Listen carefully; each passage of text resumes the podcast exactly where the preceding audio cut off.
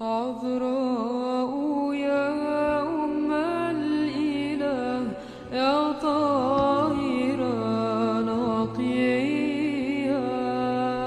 La det forgjengelige lys fra din åpenbaring skinne i våre hjerter, o menneskekjære Herre. Måtte du opplyse våre sinn når vi leser om dine hellige tjenere. Lær oss ved deres eksempel å leve i lyset, slik at også vi kan leve for deg, vår Herre og velgjøre, for du er god og elsker menneskene. Den 1. februar minnes vi vår ærverdige moder Birgitta av Kildare. Irland ble kristent gjennom kloster og asketer.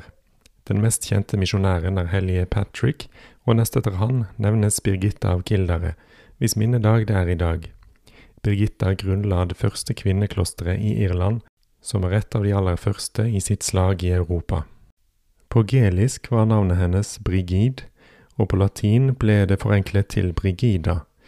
Gjennom latin kom det til Norge, og da i former som Birgitta, og vi har også navnene Brita, Britt og Birgit etter henne. Hellige Birgitta ble født rundt år 450 i Faugart, som ligger på østkysten av Irland.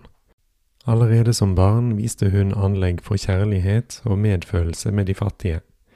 Hun ville gi bort mat, klær og til og med farens eiendeler til de fattigste. En dag tok han Birgitta med seg til kongens hoff og lot henne vente utenfor for ham der. Han ba kongen ta hans datter fra ham, siden hennes overdrevne gavmildhet gjorde henne for dyr til at han kunne beholde henne. Kongen ba om å få se jenta, og det fortelles at da kongen kom ut, fikk han akkurat tid til å se henne gi bort farens sverd til en tigger. Dette sverdet hadde blitt forært til faren av kongen selv, som sa, Jeg kan ikke kjøpe en jente som holder oss så lite verdt. Hellige Birgitta mottok senere monastisk tonsurering fra hendene til hellige Mel av Ardag. Like etter dette etablerte hun et kloster på et landområde som ble gitt henne av kongen av Leinster. Landet ble kalt Kildara, Kildare, eller Eikekirken. Dette var begynnelsen på kvinners fellesliv, eller det kønobittiske klostervesenet, i Irland. Hellige Birgitta ble en veldig populær helgen i mellomalderen, og det fortelles mange historier fra hennes liv om under og tegn. En av historiene går ut på at den hellige abbedissen satt med den blinde nonnen Dara. Fra solnedgang til soloppgang snakket de om gledene ved himmelriket og om Kristi kjærlighet, og de mistet regning med tiden. Hellige Birgitta ble slått av skjønnheten av morgenlyset når det grydde av dag. Men da hun innså at hennes søster Dara ikke klarte å sette pris på denne skjønnheten, ble hun trist. Så ba hun og gjorde korsets tegn over Daras øyne. Plutselig ble den blinde nonnens øyne åpnet, og hun så solen i øst og trærne og blomstene glitrende av dogg. Hun så på det en stund og snudde seg deretter mot hellige Birgitta og sa, Lukk øynene mine igjen, kjære mor, for når verden er synlig for øynene, blir Gud mindre synlig for sjelen. Og hellige Birgitta ba igjen, og Dara ble blind. En annen historie som fortelles, er da hellige Patrick besøkte Birgitta. Hellige Birgitta hadde dannet en hellig husstand omkring seg sammen med andre jomfruer, og en dag fikk de besøk av hellige Patrick og hans følge. Da sa en av nonnene, Lazar, til Birgitta, Hva skal vi gjøre for denne store flokken som har besøkt oss? For hellige Patrick hadde med seg en rekke munker. Hva slags mat har vi? spurte Birgitta. Det er nesten ingenting, bare en sau, tolv brød og litt melk, sa Lazar. Det er tilstrekkelig, sa Birgitta. Guds ord vil bli forkynt for oss, og vi skal være tilfreds med det. Da hellige Patrick hadde fullført sin preken, ble maten båret fram for Birgitta slik at hun kunne dele den ut, og hun velsignet maten. Da skjedde det at begge flokkene, både Patricks flokk og Birgittas flokk, ble mette, og det ble langt mer til overs enn det man hadde i utgangspunktet. Det fortelles også at Birgitta noen ganger måtte bruke seg selv for å få fram sitt budskap.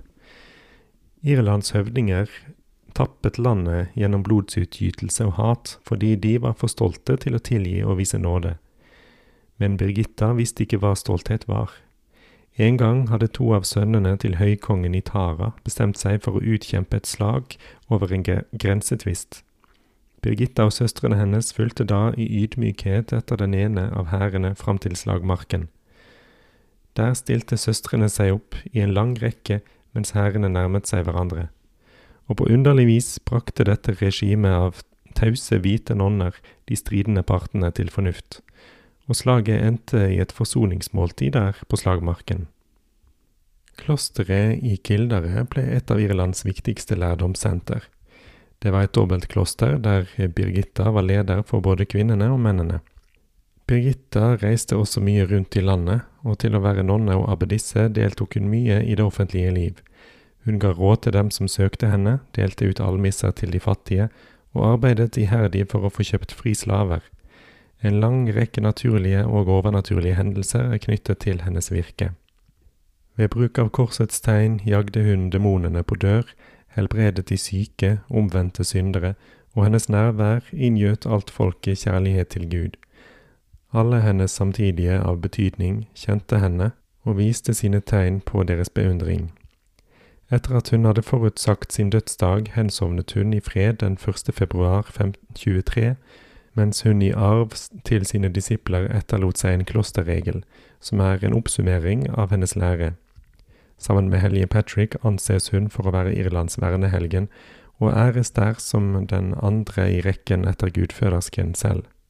Hellige Birgitta ble gravlagt på Kildare, men hennes relikvier ble senere overført til Downpatrick under vikinginvasjonene. Det antas at hun ble begravet da i samme grav som hellige Patrick og hellige Columba av Iona.